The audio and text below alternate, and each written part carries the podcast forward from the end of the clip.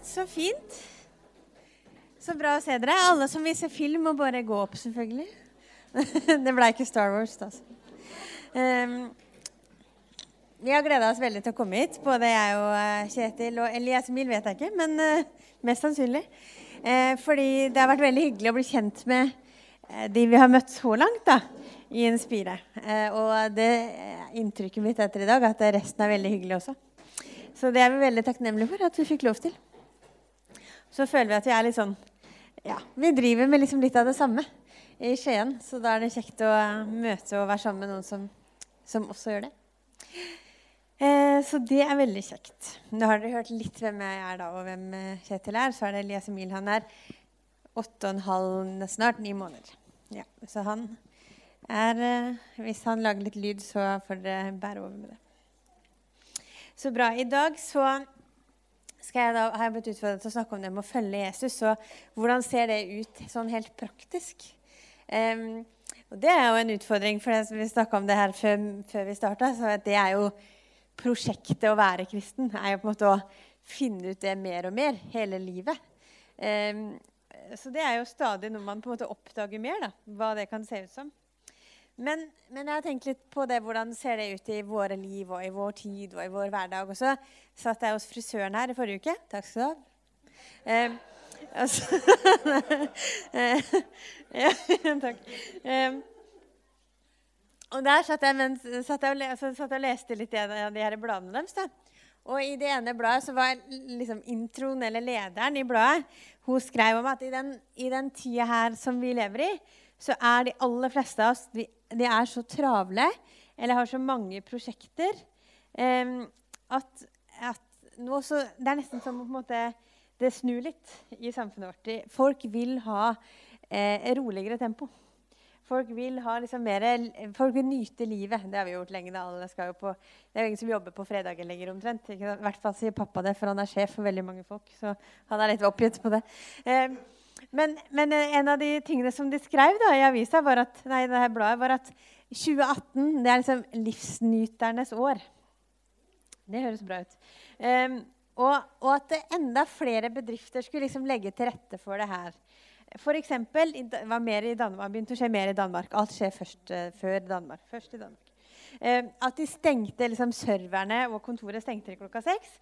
Og så åpna de ikke før klokka sju. Så da var det umulig å få gjort noe logga på på jobben eh, mellom klokka seks på kvelden og sju på morgenen. Og, eller noen som faktisk hadde heva skrivebordene opp under taket på kontorene. Har du hørt om det? Harald? Det er ganske, det er ganske morsomt. Da kommer du på jobb, og det er sånn Ja, nei, men da må jeg sitte på gulvet, da, hvis jeg skal være en arbeidsnarkoman. Eh, eller de har eh, hvilerom eh, på kontorene. Eh, ja, alt mulig sånt. Det er, jo, det er jo interessant. Og så står det videre at det, bakgrunnen var alle de valgene vi må ta hver eneste dag at livet vårt er så fullt av valg. Og det er jo en litt sånn annen tid vi lever i. For når, eh, når bestefaren min vokste opp, så hadde ikke han noe valg hva han skulle bli. Han hadde en gård han måtte ta over, for han hadde bare en søster som var 15 år yngre. Og hun kunne ikke ta over. Så det måtte han gjøre. Så han forteller om sitt, han er død, er død nå, da, men han forteller om sitt livs store in, in, eh, eventyr. Det var når han reiste fra Ål til Hønefoss i tre uker for å være med på noe oppdrag. Og det er klart, det er ikke så langt i dag. Så når jeg har fortalt dem hva jeg driver med, så blir det jo helt svimmel. Eh, men også for pappa, som er noen og 50, så, så var det en annen virkelighet. Han, han, kunne ha hatt mange valg, og akkurat nå er han på Cuba, så han kan jo velge mange ting. Men det var liksom ikke sånn Hva skal du ta en grad i? når han ble 20 eh, år. ikke sant? Da var det 'Hva skal du bli?' Og mamma særlig da, hun strevde noe helt forferdelig med å skjønne det her når jeg skulle ta en bachelorgrad. For hva skal du bli da? Hva skal du gjøre for noe etterpå? Nei, men nå tar vi Vi bare tar fag. Og så ser vi etterpå hva vi skal bli. Tidene forandrer seg. Så sto det i bladet at, at vi tar i gjennomsnitt ett valg hvert åttende sekund i hele, hele dagen. Altså i snitt. Så det vil si at det antageligvis er enda oftere, siden du ikke tar så veldig mange uh, valg når du sover. Altså 2000 valg hver dag. Og 200 av de valgene var bare fun fact, de har med mat å gjøre. Eh, for noen er det kanskje mer, og for andre er det mindre. vet ikke. Eh, men det gjør jo at vi veldig ofte lider av valgets kval. Skal jeg velge det, eller skal jeg velge det? Hvilken film skal jeg se? Hvem skal vi treffe i helga? Hva skal vi ha til middag? Skal jeg ta de panteflaskene nå, eller skal jeg ta de neste gang vi handler? Eh, skal jeg handle på Kiwi, eller skal jeg handle på Rema eller på Meny?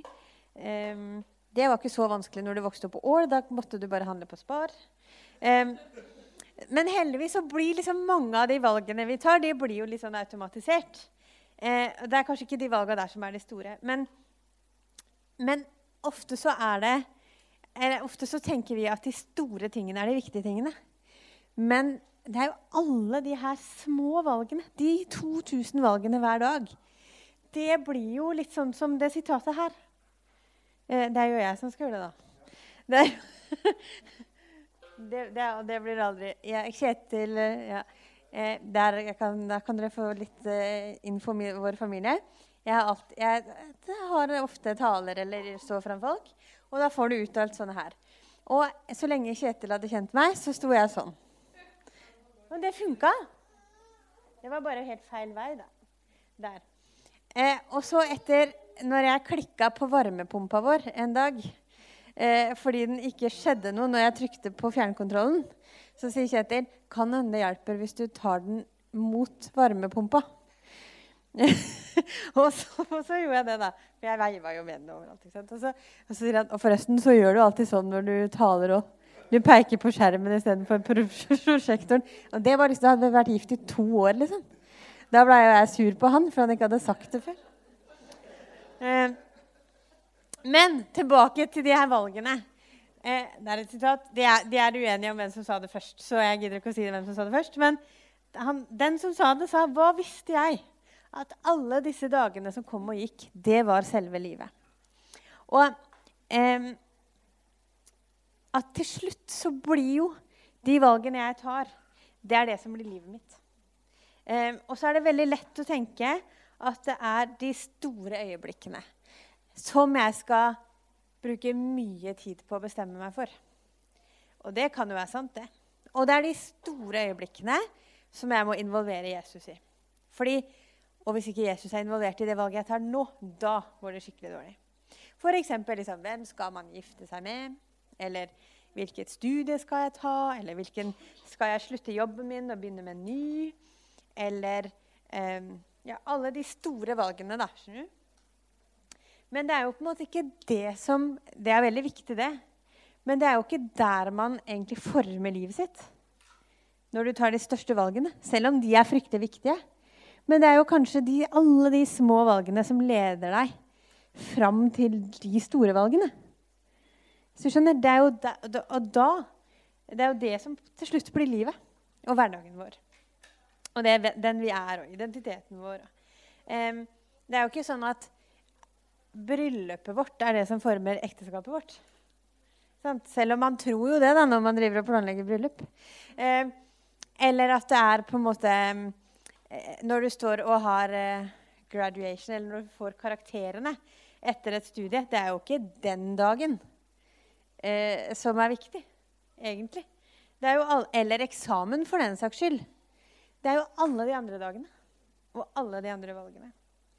Og Derfor så tenker jeg at det er i de små valgene som vi burde lære oss å involvere Jesus. Fordi da er det jo kjempesannsynlig at man gjør det når man kommer til et stort valg.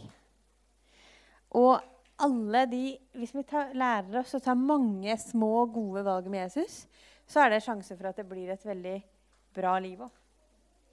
Eh, og så kan man jo tenke ulikt om hvordan involverer man Jesus. Og jeg hørte om en fyr som, som hadde bestemt seg for at han skulle involvere Jesus i alt.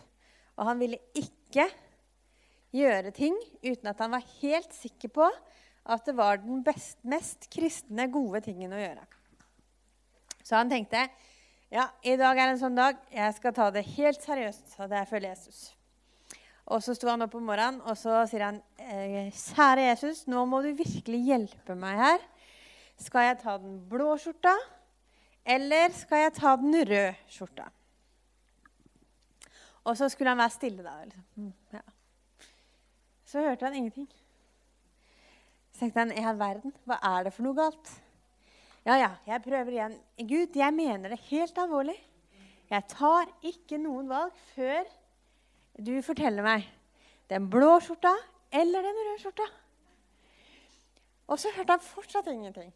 Og da tenkte jeg nå må jeg bare sette meg ned på kne her og si kjære Gud, jeg vet at du tester tålmodigheten min og vil se om jeg virkelig mener det jeg sier. Men den blå skjorta eller den røde skjorta? Og så er det stille fortsatt. Helt til plutselig så hører han Gud si, 'Velg sjøl. Jeg er faren din og ikke mora di'. Eh, det er egentlig ikke sånn man kan si når man er dame og taler. Men, men altså Sånn kan man tenke om. Man kan tenke om det å følge Jesus som litt sånn ansvarsfraskrivelse. Nei, jeg, jeg, gidder ikke å ta ansvar for noen av valgene. Litt sånn passivt. Og, at Nei, jeg, det er jeg som, det er ikke jeg som velger, det er Gud. Så hvis du er uenig med meg, så må du skylde på han. Sant? Nesten sånn kan det bli. Det er ikke det vi skal snakke om, da. Jeg skal snakke om hvordan er jeg og Jesus på lag gjennom hele livet mitt, i alle dagene mine, i alt jeg møter på i min hverdag. Og Da skal jeg gi deg to sånne bibelsteder som blir liksom grunnlag for hvordan man tenker om det. Og så skal vi snakke om tre veldig konkrete måter å gjøre det på. Okay? Ja, det var den der. der. Kjetil, kan du gjøre den? det blir feil vei. Dere må se den powerpointen her sikkert 100 ganger. Um, det gadd ikke han. Um, og Det første som jeg vil ta deg med til, er Johannes 14, 14,6, der Jesus sier, 'Jeg er veien, sannheten og livet'. Og vet du, Fra jeg eh, begynte å liksom forholde meg til kirke og Jesus, og sånn, til i dag, så er det et av de bibelversene som jeg har hørt oftest. Og veldig ofte så har jeg hørt folk snakke om det sånn Og det er veldig viktig å huske på at Jesus må være, ha førsteplassen i livet ditt. Og jeg er jo som Anne Kristin sa, et praktisk menneske, så jeg tenkte alltid Hva betyr det egentlig? Hva ser det ut som? Jesus må være førsteplassen. Altså eh, Ja, hva betyr det? Tenkte jeg, Betyr det liksom at ja, så lenge han er høyest prioritet, så kan jeg gjøre hva jeg vil med resten av livet mitt? da? Så lenge han er på førsteplass? Eller betyr det at jeg må be nok? Når, hvor mye må du be for at Jesus skal være på førsteplass? Eller hvor mye må man ha lest Bibelen for at Jesus er på førsteplass? Eller hvor aktiv må man være i kirke for at Jesus er på førsteplass? Hvordan i all verden måler du det? For du kan jo ikke bare gå rundt og si det. Jesus er på førsteplass i livet mitt, hvis du ikke, eh, hvis ikke du vet det. Tenkte jeg, da. Så det var ikke jeg funderte på. Eh, og så tenkte jeg kanskje det ikke er sånn, for Jesus sier jo ikke der at han vil være nummer én. Han sier at han vil være livet. Han sier at 'jeg er livet'. Ikke førsteplassen i livet ditt. Jeg er livet. Så jeg tror jo egentlig at Jesus han vil være eh, første, Han er liksom ikke fornøyd han å være på førsteplass. Han vil helst være med på andre og tredje og fjerde og femte. Og han vil være med på hele livet. Og, og fylle det. Så begynte jeg å tenke kanskje han ikke er på toppen av lista av rankingen. Liksom Jesus først, og så kommer Så lenge jeg, jeg har nok fokus på Jesus, så kan jeg godt se litt på OL. Men jeg må ikke se for mye på OL, for da kan det konke ut Jesus. ikke sant? Altså, eh, det er OL over, så det går greit. Men kanskje er det heller sånn at Jesus er sentrum i kjernen av mitt liv. Der har jeg plassert Jesus. Og så blir det å følge Jesus eller å på en måte være påvirka av han hele tida, det betyr at fra det, den kjernen så kommer påvirkning fra Jesus inn i alle deler av livet mitt. At Jesus er der. Også når jeg skal se på TV, da, så er på en måte Jesus en del av det og påvirker det. Eller når jeg skal eh, være gift med Kjetil. Så, for, så, er det ikke sånn at Jesus konkurrerer med ekteskapet mitt. Men Jesus påvirker ekteskapet mitt. Og når jeg skal gjøre, være en god nabo, eller når jeg skal gjøre jobben min, eller når jeg skal oppdra barnet mitt, eller når jeg skal forvalte pengene mine, eller når jeg skal tenke på hvordan jeg snakker med folk, så er, er ikke det en konkurranse til at Jesus er på førsteplass, og så må jeg klare resten sjøl. Men Jesus er i kjernen av det. Og jeg får se han påvirke alle de tingene. Så skal vi snakke om hvordan etterpå. Og så er det Romerne 12. Det er det andre verset. Jeg gjør Det står i Romerne 12, 1-2. Derfor formaner jeg dere ved Guds barmhjertighet, søsken Bær kroppen fram som et levende og hellig offer til glede for Gud. Det skal være deres åndelige gudstjeneste. Innrett dere ikke etter den nåværende verden, men la dere forvandle ved at sinnet fornyes, sånn at dere kan dømme om hva som er Guds vilje, det gode, det som er til glede for Gud, det fullkomne. Det her sier Paulus, som har skrevet det her, han sier at, at gudstjenesten vår, det er jo hele livet vårt. det. Er veldig lett å tenke at nå skal jeg gå på gudstjeneste. Og det gjør man jo hvis man vil. Eh, men, men, kroppen vår og livet vi har, og den hverdagen vi lever, det er en måte å tjene Gud på. Å være på gudstjeneste med. Og når vi lever sånn, så står det at da kan vi lære, trenes opp til at vi vet hva Gud vil. Det trenger ikke å være noe som vi ikke aner. Men det står at når da blir sinnet vårt forvandla, sånn at vi kan dømme hva som er Guds vilje. Ikke fordi at vi bestemmer hva som er Guds vilje, men fordi vi lærer det. Så det er to liksom, grunn, grunntanker om eh, hva vil det si at jeg følger Jesus. Jo, det betyr at han er i kjernen av livet mitt og påvirker alt det andre. Og så betyr det at alt jeg gjør, det er en del av det kristne livet. Det er ikke liksom de kristne tingene her før så snakker man om kristenlivet sitt. Da lurte jeg på det, hvilket annet liv har vi. på en måte? Eh, og, og, da betyr det at vi er alle på en vei der vi prøver å finne ut hvem i all verden er denne Jesus. Noen har prøvd å finne det ut lenge, og noen har akkurat begynt å lure på det. Men det er samme vei. Det er det som er det å være kristen. på en måte. Det er å gå den veien sammen med hverandre og sammen med Jesus og lære det bedre og bedre.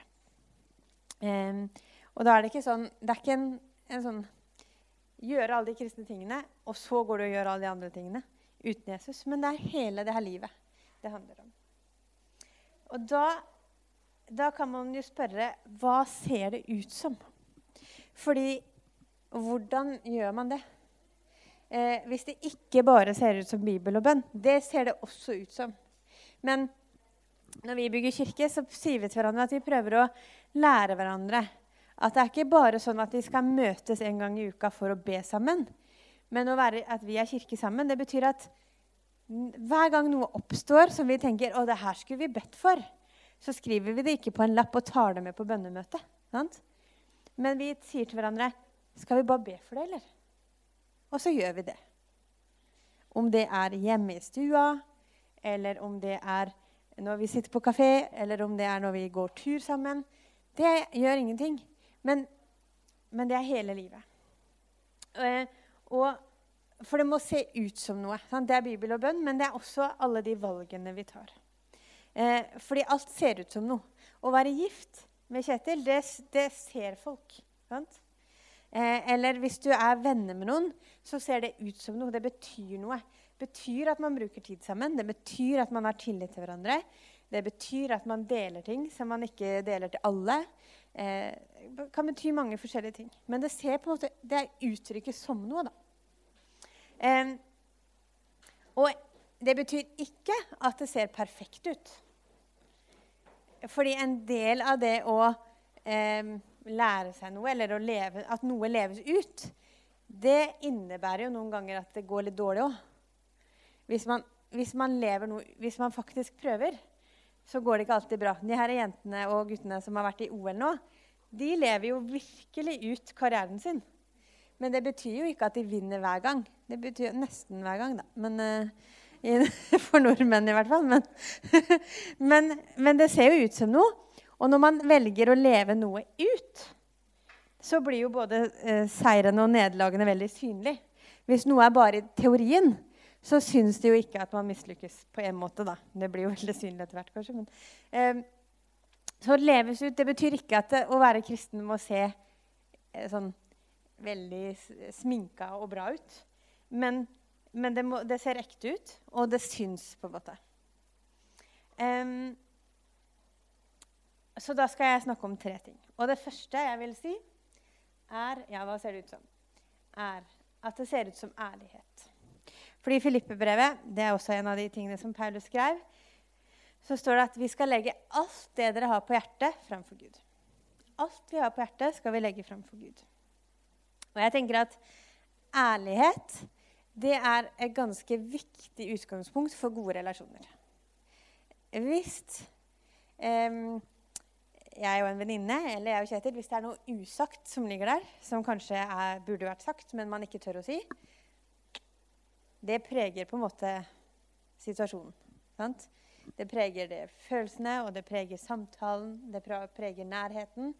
Um, og sånn er det også med Gud. Hvis man på en måte bare sier halve sannheten eller halvparten av det man tenker på, eller prøver å liksom late som, så preger det relasjonen til Gud. Så et, et, liv med Gud, eller å følge Jesus, det tenker jeg starter med dialog og ærlighet og tillit. Eh, og det er jo et utgangspunkt for Gud òg. For hvis han skal kunne hjelpe meg og deg videre, så må det jo starte med at vi er der vi er. Hvis ikke så blir det veldig strevsomt for han hvis han må prøve å ta oss fra et sted vi ikke er, til et sted vi skal. Han må jo møte oss der vi er. Og vi må snakke ærlig med han. Eh, så da, da, og sånn er det, og det hjelper liksom ikke å tenke ja, nå skal jeg gå i kirke og da får det bare ta på meg det fineste jeg har, og se så grei ut som jeg prøver, kan. Eh, og så halte resten av uka. Da er det mye bedre at vi bare er der vi er. På godt og vondt. Så det er en av mine huskeregler. at jeg, eh, når jeg er i forskjellige situasjoner, om de er bra eller om de er dårlige, så tenker jeg jeg vil være en som lærer meg å fortelle de tingene til Gud. Ikke bare sånn ja, men han vet jo alt allikevel, så han kan jo si fra hvis han har noe å si. Um, men mer på en måte Nei, jeg faktisk forteller han. Og Jeg pleier å ha litt tid der jeg setter meg ned og er sammen med Gud på morgenene. Og da en av de tingene jeg gjør, er at jeg, jeg skriver ofte en bok. da. da og da forteller jeg hva jeg tenker på eh, sånn, Da skjedde det og det, og da tenkte jeg det og det. Liksom, det hadde jeg lyst til å fortelle i dag. Og Hvis det er noe bra, så kan jeg fortelle han det. Og hvis det er noe jeg er irritert på så, og liksom, Jeg kan bli litt oppgitt, da, for jeg, liksom, jeg vil ting. Og da kan jeg også bli litt irritert når det ikke går sånn. Og det er en av mine sånne eh, ting med Gud, at jeg skal være irritert til Gud først. Ikke nødvendigvis at det er på han, men han skal høre det. Um, og jeg vil snakke med han om det. Så det er det. Fortell det til han. Um, fordi man kan he ofte heller tenke sånn nå skal jeg få det ordna, og så skal jeg gå til Gud. Men det er jo veldig dumt, fordi han vil være med på det. Han vil gi nåde i det, og han vil eh, påvirke det. Så, så, da kan du ta noen eksempler. Hvis du har sagt noe dumt til noen, hva gjør vi da?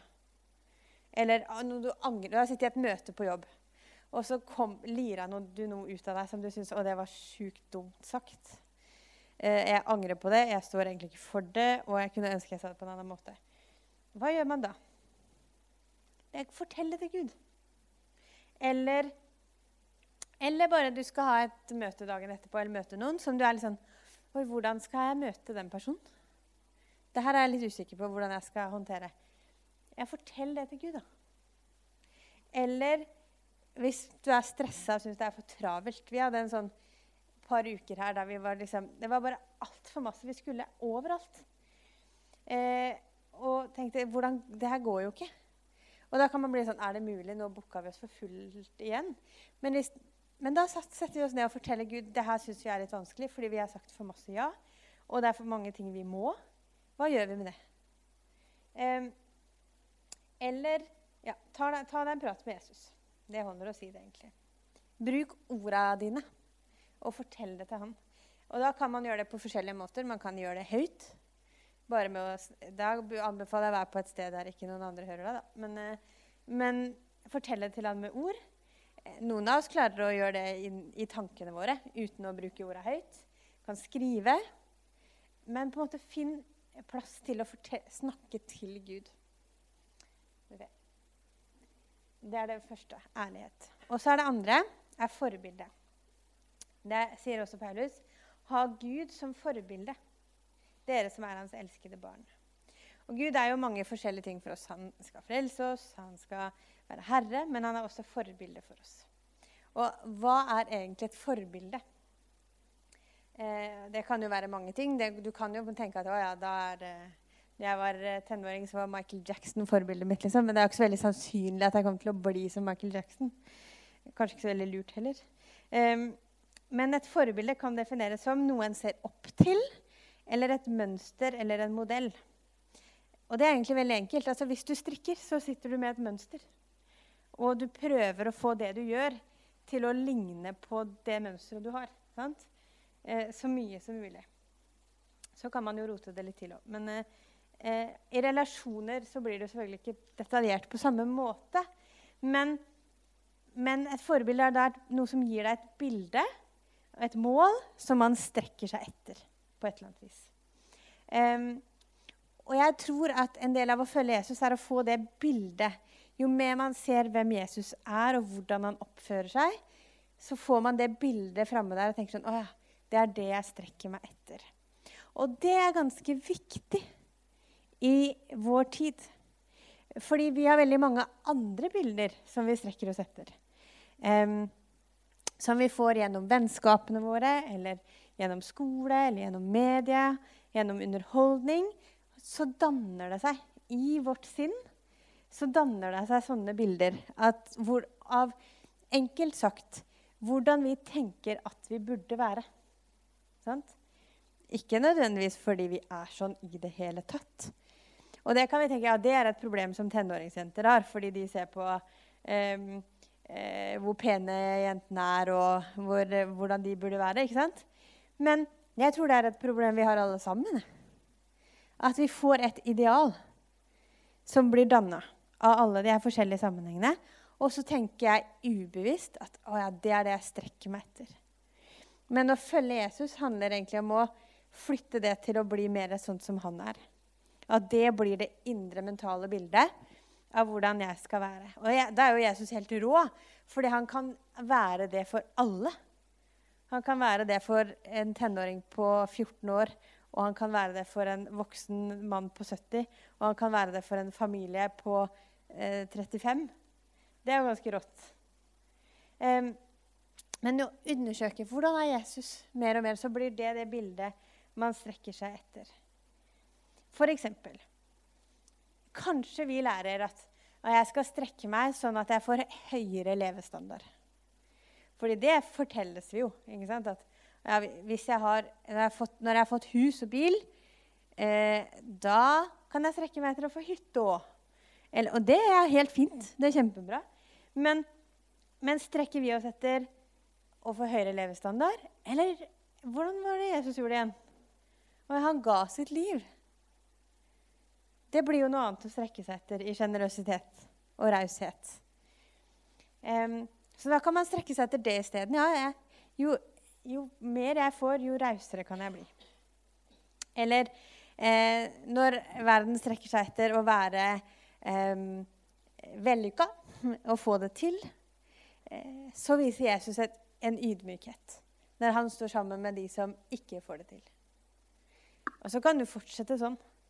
Eh, når vår verden strekker seg etter å yte mest mulig og produsere mest mulig, som er veldig bra, um, så snakker Jesus om å tjene. Og sånn kan du fortsette. Det, det, indre bildet. Hva ser det ut som? Hva er det jeg får lov å strekke meg etter, som Jesus ligner på? Og så er det siste er rådgiver. Det er også praktisk. Jesaja, det er det ikke Paulus som sier, sier at han har fått navnet, han som skulle komme Jesus, har fått navnet underfull rådgiver.